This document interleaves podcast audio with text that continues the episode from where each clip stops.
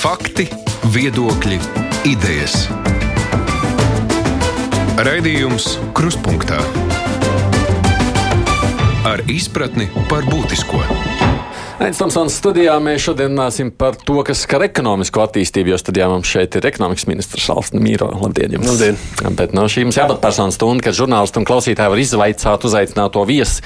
Un nav jau šaubu, ka jaunākās aktualitātes saistās ar koronavīrusu straujo izplatību, kas, protams, arī visus ietekmē. Man klausītājiem papildus šeit ir jāpiebilst, ka mūsu saruna beigsies mazliet ātrāk un pēdējās nepilnas desmit minūtes vēl paliks vēl vienam brīvām mikrofonam, tāpēc, ka Nemīro kungs dodas uz krīzes padomas sēdi sēdi, lai lemtu par tālākiem ierobežojumiem, kas ir pietiekami, protams, svarīgs jautājums. Un, un, un mums vēl kādu brīdi beigās raidījumā aprunāšos ar klausītājiem.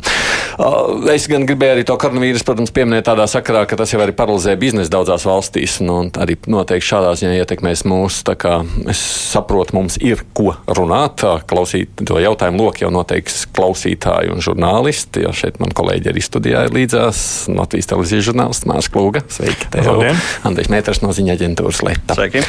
Klausītāji, kā parasti var sūtīt jautājumus elektroniski mājaslapā, nu, man jābrīdina, nu, cik nu paspējuši tik nolasīt lasīšu vai nu uz adresi krustpunktēt Latvijas raidījā vai mājaslapā sūtot savus jautājumus. Nu, un telefona numurs 6722, 888, un 672, 559, tas attiecas uz radio tieši radio televīzijā, jau pēc tam raidījums ir ierakstā.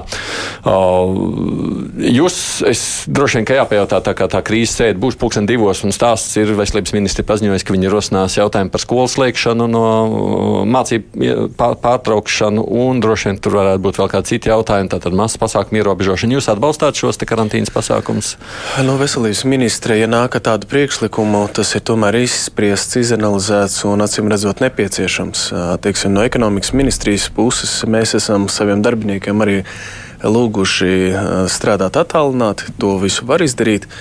Un tādi mazas pasākumi jau faktiski ir ļoti daudz atcelti, dažādas konferences un, un, un vispārējais. Un līdz ar to Mēs arī tādus publiskus pasākumus vairs īsti ne, neorganizējam, un, un, un ministrijas ietvaros arī kā teikt, sākam ar sevi un ne, netaisam vairs ne pasākumus un arī strādājam attālināti. Šajā sakarā gan uzreiz viens klausītāja jautājums ir, ko jūs domājat par to izstādu māju, kur šobrīd sākās norisināsies ķīpsāles izstāžu kompleksā.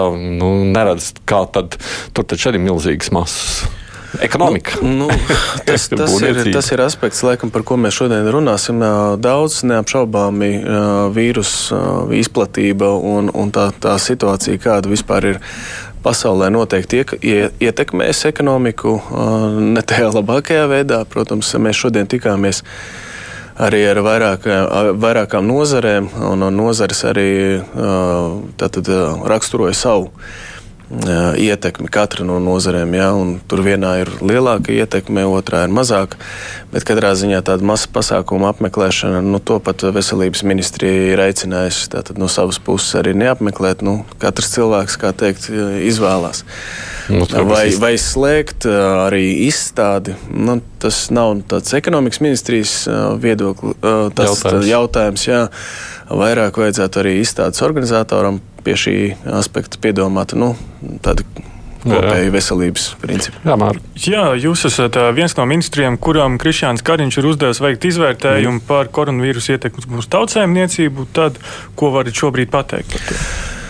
Jā, tad, tad valdība šobrīd ļoti apzi, apzinās situāciju, apzinās no tāda viedokļa, ka mēs prasām no dažādām nozarēm, kas ir ar ekonomiku saistīts, kas ir ar veselību, izglītību un citām nozarēm. Mēs sanāksim kopā, informēsim viens otru. Tad šodien mums ir divas sēdes. Viena ir tagad krīzes vadības sēde, kas ir vairāk saistīta ar vīrusu izplatību un vairāk no skatoties no medicīniskā aspekta. Un tad mums ir otra pulkstenis, ja nemaldos, puspiecos, kas ir saistīti tieši ar ekonomiskiem jautājumiem. Tur būs zemkopība, finanses, ekonomika, satiksme. Pats pēc premjeras, protams, un, un citi iesaistītie. Mēs informēsim par to, kā ir ietekmētas nozares uzreiz. Par nozarēm runājot, ļoti, ļoti ietekmēta ir nozare, kas ir saistīta ar turismu. Tātad, ja mēs skatāmies uz IKP, tad turisms ir 4% apmēram, līdz ar to tas ir tomēr liels samērā apmērs. Un, līdz ar to tur ir nu, tie skaitļi diezgan dramatiski kritušies. Cilvēki, protams, atceļ braucienus, atceļ rezervācijas, un līdz ar to Uh, ir piesardzīgi, kas ir šajā gadījumā uh, ļoti pamatoti. Var konkretizēt to skaļu kritumu? Uh, jā, nu tad, tad uh, divas nedēļas atpakaļ bija apmēram 30% kritums. No šobrīd jau nozara runā par 90% kritumu. 90. Jā, diemžēl. Jā. Wow. Ko tas īsti nozīmē tālāk nozarei, ko viņi darīs? Jā, nu, tad, tad ir pirmkārt, manuprāt, jebkurai problēmai ir jāsaprot cēlonis. Tad mēs, saprotot cēloni, varam runāt par to risinājumu. Tad, tad, Ja nozare ir norādījusi uz šādu kritumu, tad mēs ar Finanšu ministriju un jāatskatās arī 90. gados, kad bija krīze ar Krieviju, vairāk saistīta bija valdībā pieņemts lēmums šīs nodokļu nomaksas brīvdienas iedarbināt. Ir tāds atsevišķs pants. Es domāju, ka šajā gadījumā uz turismu nozari tas arī varētu būt attiecināms. Ar šādu jautājumu mēs iespējams iesim valdībā, nu, nu, arī apzināsim pagaidām visu to situāciju līdz galam. Nesteigsimies, neskriesim vilcienam pa priekšu, tā teikt. Un pēc tam uh, uzņēmēji varēs izmantot iespēju vērsties valsts ieņem dienestā un tad lūgt uh, uz šāda force majeure, ja tā drīkst teikt, apstākļu pamata, tad arī uh, šīs nodokļu nomaksu brīvdienas arī lūgt. Vai bez turisma nozares ir vēl kāda nozara, nu, kas arī ir diezgan būtiska? Jā, tas ir loģistika. Un loģistika kāpēc? Tāpēc, ka piemēram visi kravu pārvadājumi, piemēram, uz Itāliju, piemēram, uz Vāciju. Jā, tad darbinieks, piemēram, braucot, veicot piegādi uz Itāliju, atbraucot šeit uz Latviju, viņam ir jāiziet karantīna 14 dienas vai, vai, vai pat nelaiž no mašīnas ārā. Nu, nu, tie stāsti ir bijuši ļoti daudz un ļoti dažādi.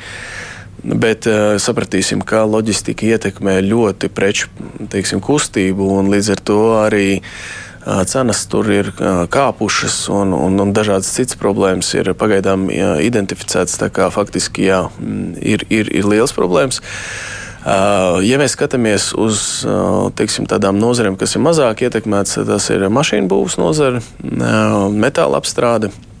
Jo faktiski daži uzņēmēji, kas agrāk izmantoja Ķīnas pakalpojumus, tad tagad tomēr skatās jau vairāk arī uz mūsu uzņēmējiem. Vēl viena nozara, kas ir IT, faktiski tad, šīs digitālās prasmes tagad tiek vairāk izmantotas, jo cilvēki un darbinieki un uzņēmumi savā starpā izmanto attālinātās sazināšanās veidus, rīkus. Un līdz ar to attīstās tās digitālās prasmes. Nu, katra krīze, kā teikt, ir arī mācība. Ja? Un šajā gadījumā tad, ir gan negatīvā ietekme, gan arī, gan arī tāda, nu, teiksim, kādi ir arī ieguvēji šajā situācijā? Nu, kādi, kādā ziņā ir ieguvēji? Jā. Jā, viens ir nodokļu brīvdienas, bet, piemēram, jaunā konservatīvā partija jau ir izveidojusi tādu sarakstu, kas ir daudz radikālāki pasākumi. Piemēram, viņi uzskata, ka vajadzētu valsts budžeta izdevumus palielināt vismaz par 1% no IKP. Šobrīd esot laiks lieliem infrastruktūras projektiem, ceļiem, tiltiem, tādā veidā stimulējot ekonomiku. Vai jūs redzat iespējas, ka tā varētu būt? Viens no attīstības scenārijiem, ka valdība varētu kāpināt savus izdevumus tādā veidā, nepieļaujot kādu dziļāku ekonomisku recesiju tieši šajā brīdī, kad to varētu izra izra izraisīt koronavīruss. Nu, uh, ir jābūt ļoti uzmanīgiem jā, ar, ar dažādiem šādiem straujiem uh, lēmumiem. Paskaidrošu, kāpēc. Nu, tad, tad, ja mēs palielinām izdevumus, um, mēs taču saprotam, ka arī ienākumi tagad būs mazāk, ekonomiskā aktivitāte krietni kritīsies. Un līdz ar to budžeta ieņēmumu būs mazāk. Ja mēs šos budžeta ieņēmumus nesajutīsim, mums taču ir ne tikai kritiskie infrastruktūras objekti, mums ir skolotāji, mums ir pensionāri, mums ir tās sociālās nepieciešamības, kuras ir jāapmierina, jo, jo mums taču ir arī iekšlietu darbinieki un viss pārējais, kas ir obligāti, tad, tad mums nepieciešams. Bet tagad pa, papildus, teiksim, šaut Uh, uz, uz tādiem virzieniem, kā nu, pēkšņi ieguldīt. Nu, es domāju, ka mums pirmkārt būtu pēc iespējas jāpārskata pirmkārt imports. Jāskatās uz to, ko mēs drīzāk varētu stimulēt, kā mēs varētu stimulēt šobrīd aktīvu eksportu un neapšaubāmi Jāskatās uz tādām arī precēm, kas mums varētu, un, un pārtiks pre, produktiem, kas noteikti būs vajadzīgi nu, mums pašiem savam patēriņam. Ko mēs varam ražot šeit uz vietas, to mēs noteikti varētu stimulēt. Jo, ja mēs skatāmies tad, diemžēl, protekcionisma pazīmes jau sāk parādīties. Tas ir vairāk Vācijā, Itālijā.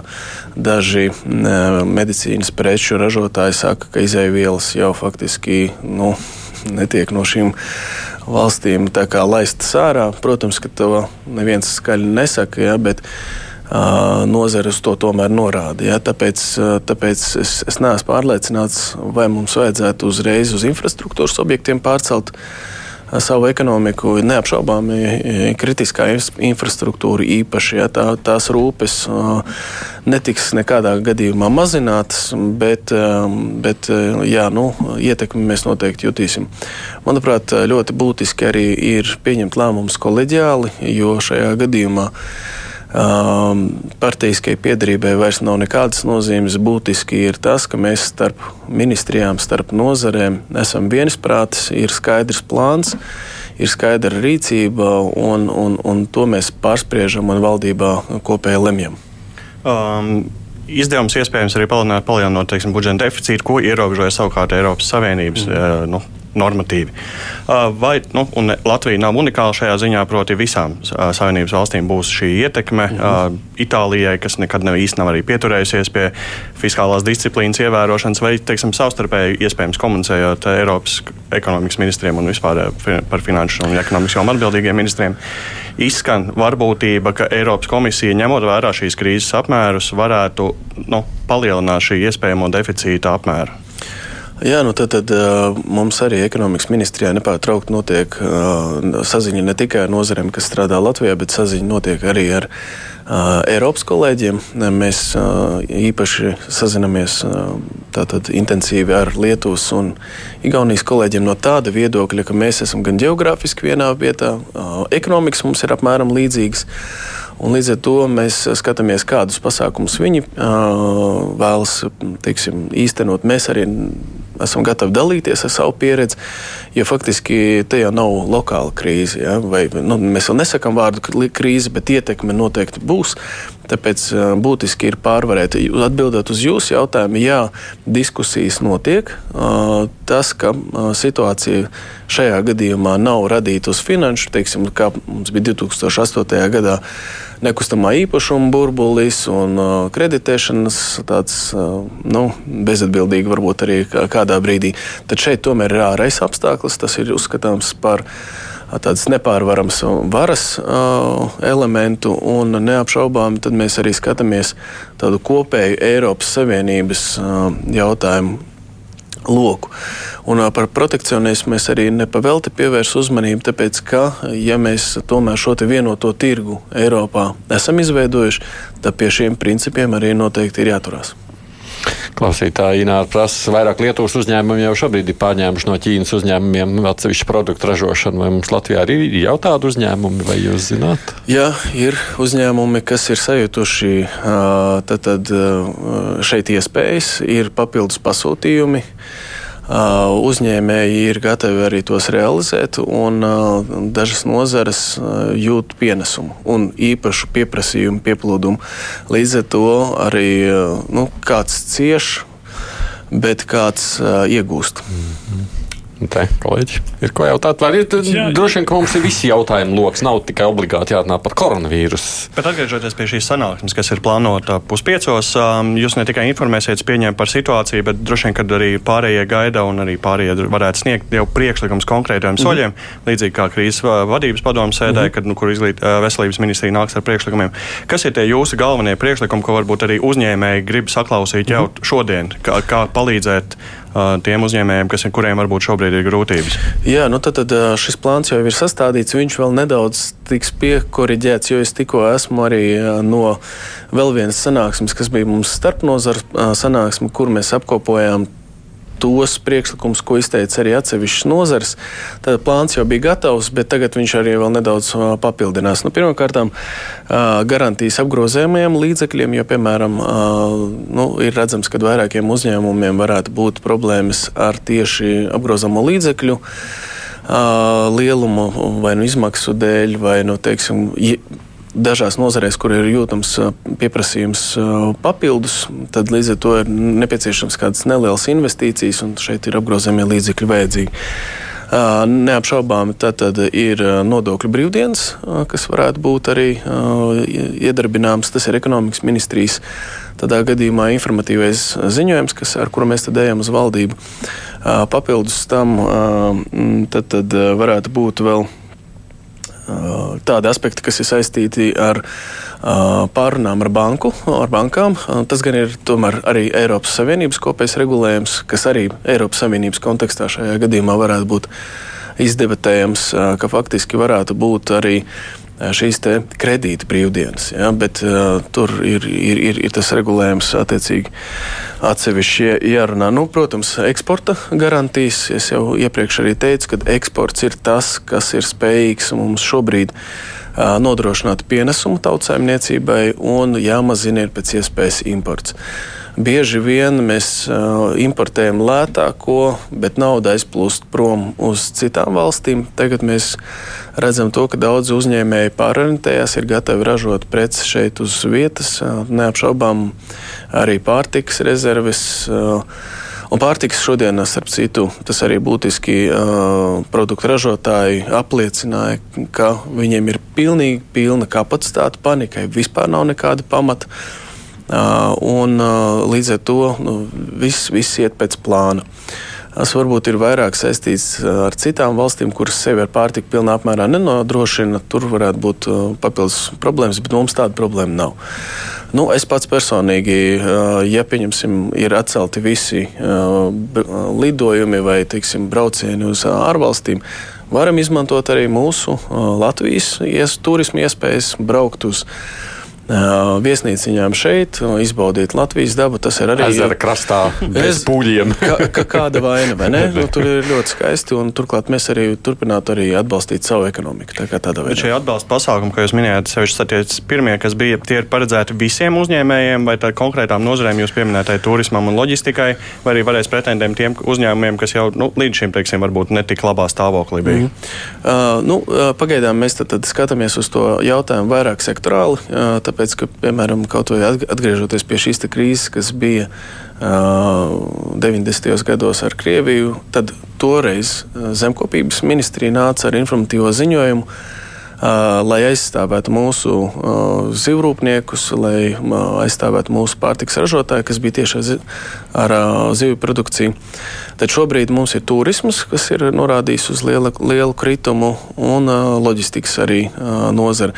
Līdz ar to te varētu būt, ka mēs nāksim sektorāli. Pie šīm divām nozarēm. Jā, jo tāpēc, kad visiem pēc kārtas tas nav pareizs veids, visi pēc kārtas arī nenorāda uz problēmām. Šodien piedalījās arī Latvijas Tirzniecības un Rūpniecības kameras pārstāvji, kas aptaujāja savus biedrus.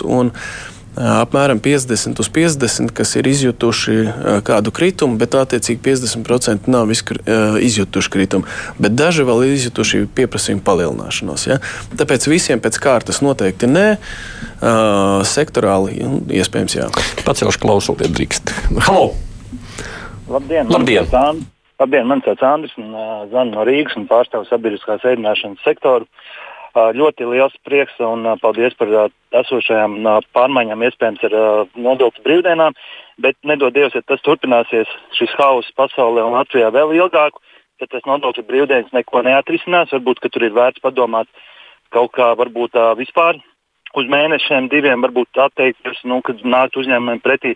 To jūs skatāties. Bet vēl viens priekšlikums, ko es gribēju varbūt izskatīt par telpu īres, piemēram, ja ir pašvaldības īpašums, kad mazās kafejnīcas un restorāni, varbūt tur arī var nākt pretī uz īres maksu, piemēram, atcelt uz šitādiem dažiem mēnešiem vai samazināt. Un, nu, un privātās telpu, telpu īpašnieki tur atkal cits stāsts. Tas arī viens no priekšlikumiem, kas ļoti palīdzētu mazajām kafejnīcām. Paldies! Jums. Nu, pašvaldībām jau lielākoties droši vien tīpaši ārpus Rīgas varētu būt. Nē, bet es gribu pateikties šiem klausītājiem, kas tad, tad, arī nāk ar priekšlikumu. Jo mums jau ļoti būtiski ir, kad liela daļa teiksim, nu, nāk ar problēmas raksturojumu. Tā, tā ir viena no sadaļām, lai pieņemtu pareizu lēmumu. Bet priekšlikumi tas ir ļoti būtiski. Un šajā gadījumā šis nav slikts priekšlikums. Es drīzāk redzu, ka tas ir labs. Un uh, to varētu ņemt vērā. Mm, nu, uh, ja mēs skatāmies uz šo sabiedri, uh, sabiedrisko ēdināšanu, tad neapšaubām te ir atkal tādas divas sadaļas. Ja gadījumā, piemēram, ir pieplūdums slimnīcās ar cilvēkiem, nu, kādu iemeslu dēļ, tad neapšaubām arī jāveicina tur ir ēdināšanas kapacitāte, jā, jāceļ. Tāpēc nu, nu, kaut kāda pārgrupēšanās, ja tā drīkst teikt, Nu, problēmas ir tiem mēģinātājiem, kurus acīm redzot balstās uz turismu. Jā, to, to, to noteikti. Tāpēc es aicināju šodien arī izbaudīt Latvijas dabu, tos, tas, tur, un, un, un, un ne, nekautrēties iebraukt arī šādās vietās un, un izbaudīt savu laiku. Bet, ja mēs skatāmies uz tādu jau krīzes, krīzes vadību, tad uh, varētu būt, ka sabiedriskie ēdinātāji varētu nedaudz pārgrupēties uz uh, citu sektoru un, un, un sniegt savus pakalpojumus. Es vēl vienu klausītāju jautājumu, tad kādu brīdi atkal kolēģi. Halo! Labdien! Labdien. Man ir tāds, tāds jautājums un vērojums. Nu, es esmu no biznesa tāls cilvēks un maz ko saprotu, bet klausos radio un tā tālāk interesējos. Man liekas, ka tieši tā ēdināšanas, viss tā lieta, tur sen vajadzēja pazemināt nodokļus. Sen tas bija jāizdara, tāpēc ka tur ir nelegāli cilvēki strādā un tā tālāk, un arī cenas ir ļoti augsta ēdināšana. Tur vajadzētu viņiem dot iespēju attiekties vienreiz tai nozarei un, un ļaut viņiem normāli strādāt. Tā... Ko sakāt par šo? Uh, jā, nu tad, tad par nodokļu pazemināšanu es aicinu arī ļoti būt uh, uzmanīgiem, jo jebkurš nodokļu pazeminājums uh, mazina budžeta ienākumus. Bu mazāki budžeta ienākumi, kā tad mēs maksājam pensionāriem, skolotājiem, iekšlietu darbiniekiem. Nu, ne, ne, neskrienam vilcienam pa priekšu, ir jābūt izsvērtai rīcībai, un Finanšu ministrija šajā gadījumā var veikt aprēķinus, lai tad attiecīgi pielāgotos dažādu nodokļu teiksim, mazināšanu, nu, tas ir ļoti tāds, trausls ledus, ja tā var teikt. Es gribēju precizēt vienu pasākumu, ko jūs minējāt, garantēt apgrozāmos līdzekļus. Mm -hmm. Ko varat paskaidrot sīkāk, ko tas īsti nozīmē? Nu, tad, tad pieņemsim, kāds uzņēmējs grib sākt ražot rokturīšus, ja, piemēram, kuri agrāk pirms tam bija ražoti Ķīnā. Lai to izdarītu, ir nepieciešami apgrozāmie līdzekļi, piemēram, iekārt iekārtu uh, iepirkšanai, piemēram, izēju materiālu iepirkšanai, lai šo te preci, piemēram, varētu saražot. Un šie apgrozāmie līdzekļi tajā brīdī ir nepieciešami. Un mums ir ļoti labs instruments, un tas saucās Altum uh, programmas, caur kurām mēs varētu uh, strādāt. Tur gan ir pietiekama kapacitāte, gan labs menedžments. Līdz ar to mums ir uh, sviras, kuras mēs varam izmantot. Par šo eksportu un ražošanu turpinot, jūs teicāt, atbalsts arī eksportam, bet nu, var prognozēt, ka šī, šīs um, krīzes, jeb um, ietekmes rezultātā arī eksporta tirgi, kas ir mūsu galvenie eksporta tirgi, Eiropas Savienība, Vācija un cita, citas Eiropas valstis, nu, tur pieprasījums mazīs, mazināsies arī ilgtermiņā. Um, kā, kādu atbalstu jūs redzat šiem uzņēmumiem, nu, kas ir šiem eksporta uzņēmumiem?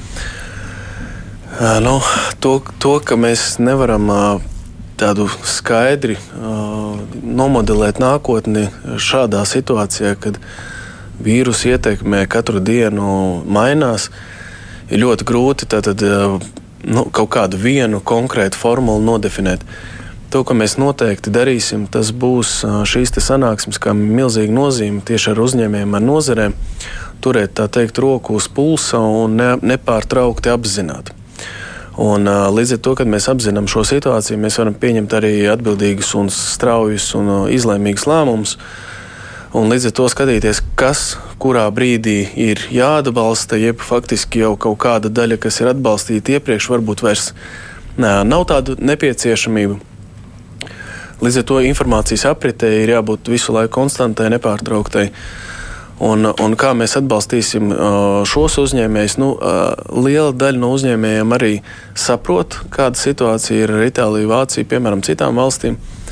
Sāk meklēt, pārorientēties eksporta tirgus uz citām valstīm, kas varbūt viņiem pirms tam nebija tradicionāls eksports. Tā kā nu, uzņēmējs arī ir šajā gadījumā sagatavojies un uzņēmēji arī norādījusi to, ka viņi jau strādā pie tā. Es atgādinu šeit studijā, ka klausītājiem mums ir ekonomikas ministrs Ralfs Nimiro. Mums ir iespēja viņu izjautāt gan klausītājiem, gan arī kolēģiem Mārs Klūg no Latvijas televīzijas un Andris Mēters no ziņa aģentūras Leta. Raidījums Krustpunktā. Es nezinu, vai agri jautājums būtu īsti jums vietā, bet, kā, saka, kā viņš te raksta, valdība cenšas sekmēt, lai cilvēki vairāk naudas iemaksā arī pensiju fondos. Nu, lūk, un šobrīd tie pensiju ieguldījumi totāli brūk. Ko jūs iesakāt darīt cilvēkiem? Nu, cilvēks skatās uz akciju tirgiem un saprot, ka nav lāga.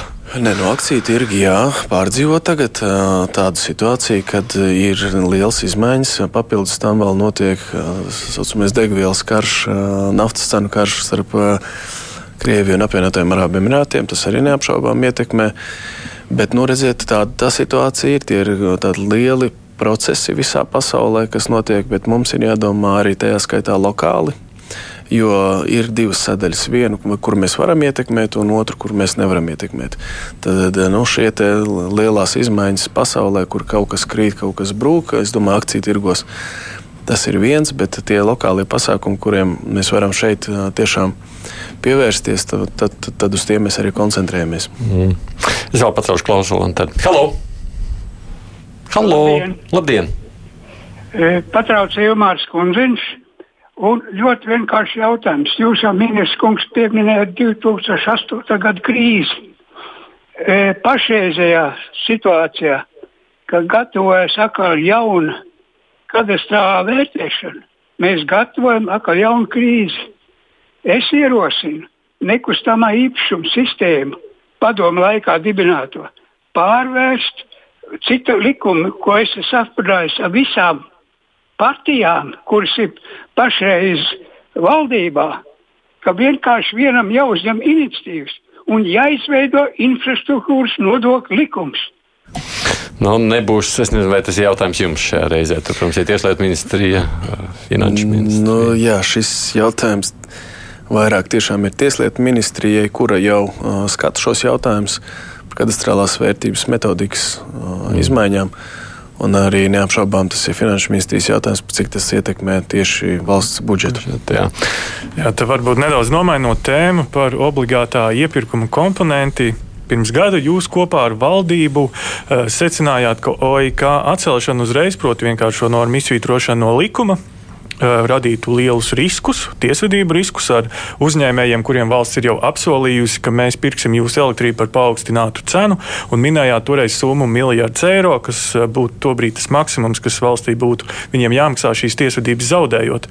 Šobrīd šis jaunais risinājums, ko jūs esat vērsies saimā, Kā tas atšķirās no šī iepriekš izbrāķētā risinājuma? Mm. Nu, Pirmkārt, šo miljardu bija nosaukusi nozare, tad, tad OIK saņēmēji. Uh, otra lieta, tad, tad tā, tobrīd valdībā visa ministriju ierēdniecības līmenis teica, nē, nu, tad, tad nesaskaņoja mūsu informatīvo ziņojumu. OIK ieviešana bija politisks lēmums, Tas notika steidzamības kārtībā divos lasījumos, bez debatēm, bez īpaša izvērtējuma. Tagad šis lēmums arī ir jāpieņem politiķiem.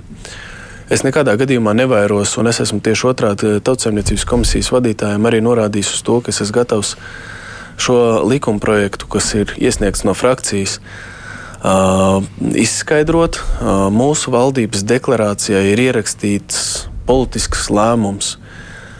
Izbeigsim OIK, tad, tad uh, nepārceļot šos maksājumus uz valsts budžetu, kā iepriekš tas bija domāts ar ja nemaldos, zaļiem certifikātiem vai kaut kādu zaļo nodokli. Un, un, un, un faktiski tā politiskā, politiskais lēmums jau ir bijis pieņemts. Atšķirības starp tātad 26. marta iesniegto likuma projektu ir tāda, ka tobrīd mēs atcēlām gan obligāto iepirkumu, gan komponentu kopā. Šobrīd mēs atceļam šo virskompensāciju.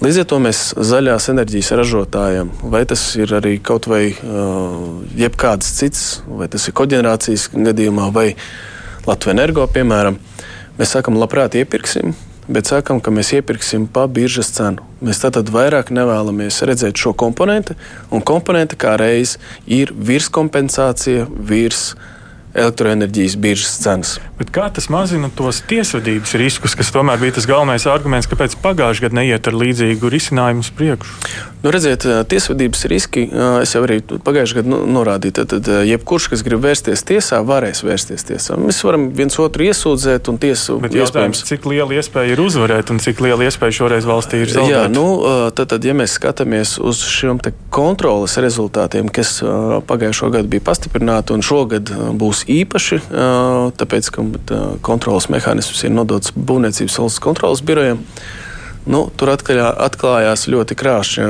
aina. Kā tad ir attiecībā par pašpatēriņu stacijām? Vienotais tehnoloģiskais cikls ļoti reti tiek ievērots dažās staciju veidos. Tā kā, uh, Ko tas nozīmē, ka viņi vienkārši ir negodprātīgi un krāpjas, un tāpēc viņi tiesā zaudēs Latvijas valstī? Nu, Pirmkārt, mēs pagājušajā gadā atcēlām licences 21 stacijai, kas ļāva iekonomēt 31,5 miljonus eiro valsts budžetā. Mēs, šīs izmaksas netika veiktas. Tad, tad jau šeit mēs varam redzēt, ka daudzi ir bijuši negodīgi. Un, ja negodīgs, piemēram, nāks uh, tiesāties, tad mēs varbūt iesniegsim pat pretprasību. Ir jums kāda ideja par to, cik daudz no viņiem, kam ir licences, ir negodprātīgi, cik ir godprātīgi? Nē, nu, tāpēc ir tās kontrolas, kuras mēs veicam, un uh, mēs arī līdz ar to varam izvērtēt rezultātus. Mēs skatāmies gan pieslēguma schēmas, mēs skatāmies dokumentāciju, mēs pārbaudām uh, šīs stacijas uz vietas dabā. Un tad visu saliekot kopā, tad mums arī uh, veidojās šis priekšstats. Jūs šo likumprojektu iesniedzāt caur frakciju saimā patiešām nevis nu, kā parasti, ja ministri izstrādā kādu projektu, iesniedz valdībā, kur pārējās ministrijas, ja tām ir ko teikt, arī saka un izvērtē. Mm -hmm. Jūs neuzticēsieties saviem kolēģiem vai citām ministrijām, kādēļ neveikt šo papildu novērtējumu par šī likuma projekta ietekmi. Jā, nu tad, tad eh, jebkurš eh, likuma projekts faktiski ir politisks eh, lēmums. Pareizais veids, kā virzīt tad, tad, jebkuru likuma projektu, ir politiski pieņemt lēmumu. Mēs vēlamies darīt to šādi, un tad tiek izstrādāts attiecīgs normatīvais akts. Šobrīd uh, politiska vienošanās, jeb faktiski uh, šāds te lēmums ir bijis, gan valdības deklarācijā ir ierakstīts, gan arī saima vienbalsīgi nobalsoja par likuma projektu izstrādi. Uh, pagājušā gada sākumā. Un līdz ar to mēs šādu likuma projektu esam izstrādājuši. Tagad jautājums ir par attiecīgi nu, šo likuma projektu tālāku virzību. Par, Uh, komponentes atcelšanu. Iespējams, varbūt tur varētu būt kādi pārējais periodi, kas arī nu, varētu pie, pārējais noteikumi, precīzāk sakot, likumā atrunāti. Tur ir vēl iespējas dažādas, bet jebkurā gadījumā deputātiem noteikti tiks izskaidrota gan šī situācija. Tautsēmniecības komisijā es noteikti nākšu un šo te piedāvātā risinājumu ietekmi arī izstāstīšu. Es domāju, ka deputāti arī pieņemot šo likumprojektu un nododot komisijai, ir skaidri apliecinājuši, ka šāda politiska vēlēšanās izbeigt OIK, jeb šo virskompensācijas dāsno maksāšanu deputātiem ir. Tad jau iznāk no jūsu teiktā, ka varbūt tā valdība vispār daļai lieka, jo viena liela daļa ir tāda politiska lēmuma, taču kam tur vēl caur MK komitejām iet un visu to pārējo, taču vienmēr ir iesniegt saimā. Jā, nu tātad likums saka, ko, un ministru kabinets saka, kā. Nu, respektīvi, tātad mēs. Tad, tad ministra kabinetā veicam attiecīgus, izstrādājam attiecīgus ministra kabineta noteikumus, ar kuriem mēs nosakām, kā tad attiecīgi nozara tiek regulēta, vai tā ir enerģētika vai būvniecība. Lai būtu skaidri kriteriji, un, teiksim, ja kāds pārkāpj kādas normatīvas, tad attiecīgi būtu pēc kuriem vadīties. Un, tad, attiecīgi, un šeit tas kā nav svarīgs. Nē, tas kā, kā, kā reiz uh, būs mans darbs, ko es darīšu Saimnes tautsēmniecības komisijā, jo tur mēs skaidrosim, kā uh, Bet ir jūs teicāt, ka valdība ir priekš tam kā? Bet tā jūs sakāt, nu, ka jūs to darīsiet saimā? Jā, es esmu o, valdībā, un mēs o, saimā ejam ļoti bieži uz dažādām komisijām aizstāvēt savus likuma projektus. Tas ir mūsu darbs, jo deputāti pieņem šos lēmumus ar balsu vairākumu komisijā, pēc tam plenārsēdē.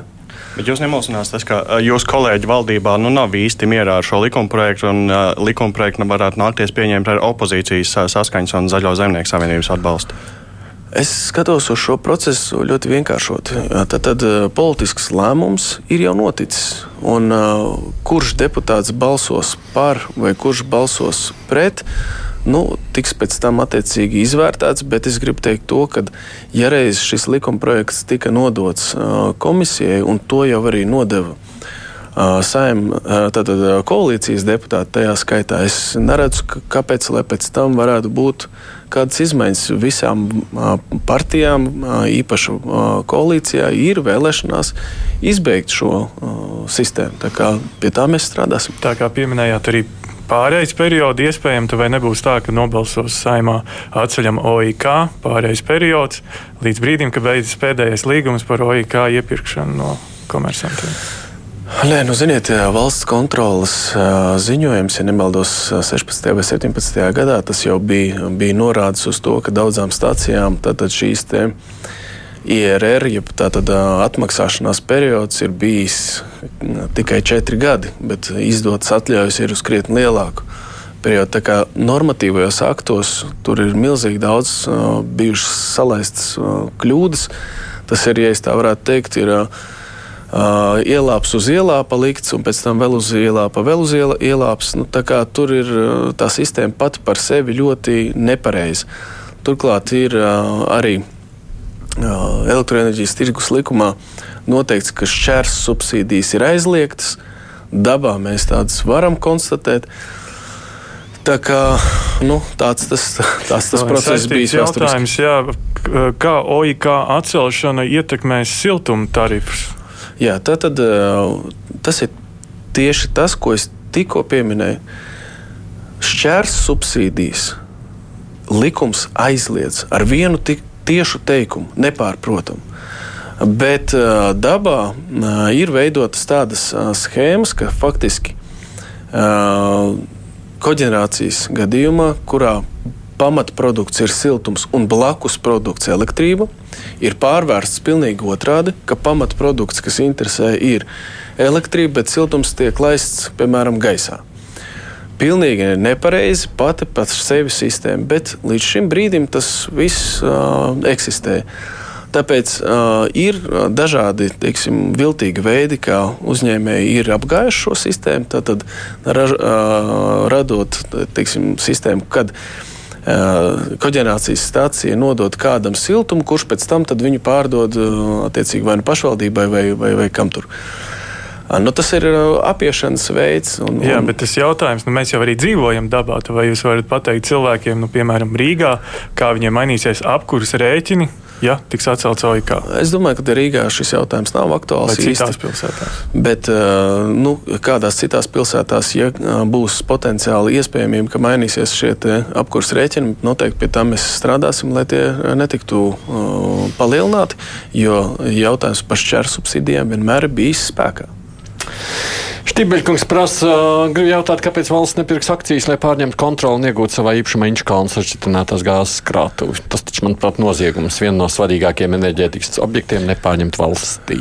Jā, nu viņš kāds pirmkārt nav sašķidrinātās gāzes krātuve. gāzes krātuve. Bet tad, tad precizējot, tad Inčukalns ir grāz, gāzes krātuve, Konexus Baltic Grid ir sistēmas operators. Mm.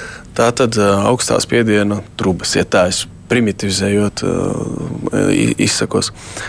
Tad šajā gadījumā valdība bija pieņēmusi lēmumu, izvērtējot arī investoru. Tad faktiski Margarita investora vietā, kas bija finanšu investors, nāk Japānas investors, kuru savukārt mēs vairāk redzam valdības ietvaros, arī bijām runājuši kā potenciālu ieguldītāju dažādos sektoros, un Japānas investīcijas šajā gadījumā ir lielākās Latvijas vēsturē notikušas.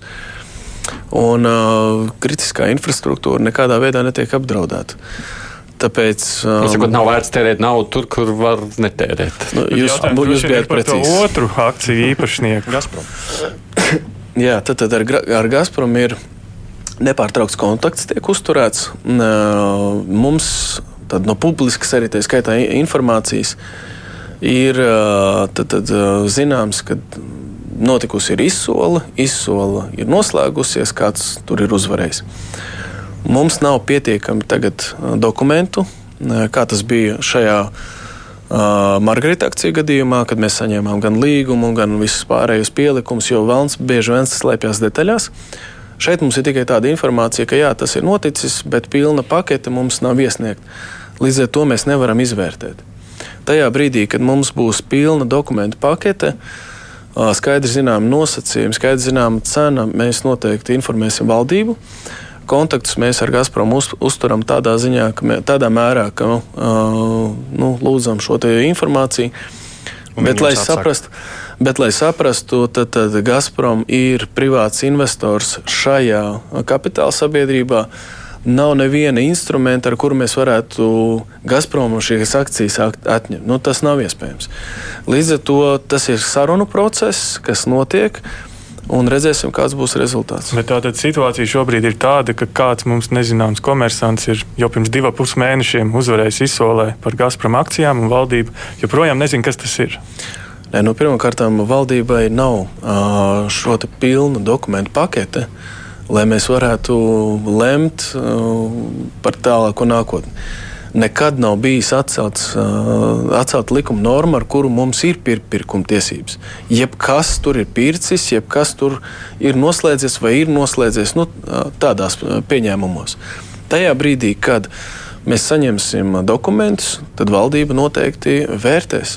Kādu pozīciju aizstāvēsiet, vai mums varbūt izmantot šīs tiesības uz Gazprom akcijām? Jā, nu tad, tad jāsaprot, ir tiešām, kas ir pircējs, vai tas nav. Uh, nu, ar valsts drošību saistīts jautājums. Mums ir būtiski, lai investors kritiskajā in, in, infrastruktūrā būtu uh, caurskatāms, uh, būtu tīrs, nebūtu dažādi uh, AML riski. Uh, Līdz, līdz ar to, protams, mēs izvērtēsim. Bet toreiz, tad, kad valdība jau pirka augstsprieguma tīkliem šīs akcijas, Mārija, jābeidz. Jums jābeidz. ir jābeidz. Es saprotu, jūs varat vēl diskutēt, bet tikai pa ceļam pa telefonā. Diemžēl, jā, tāpēc, ka Ralfam Nimīro ekonomikas ministram jādodas uz krīzes padomu sēdi koronavīrusa sakarā, un, diemžēl, tā ir neatceļama lieta. Es saku paldies saviem kolēģiem, ka es tādā veidā jūs pārtrauc Mārš Klūg no Latvijas televīzijas, Andrejs Mēters ziņa aģentūra Leta. Arī klausītājiem paldies. Mums ir minūtes desmit brīvais laiks laiks palicis, to mēs aizpildīsim, uzklausot klausītājus. Tāds improvizētais vēl brīvais mikrofons tūlītās turpināsies.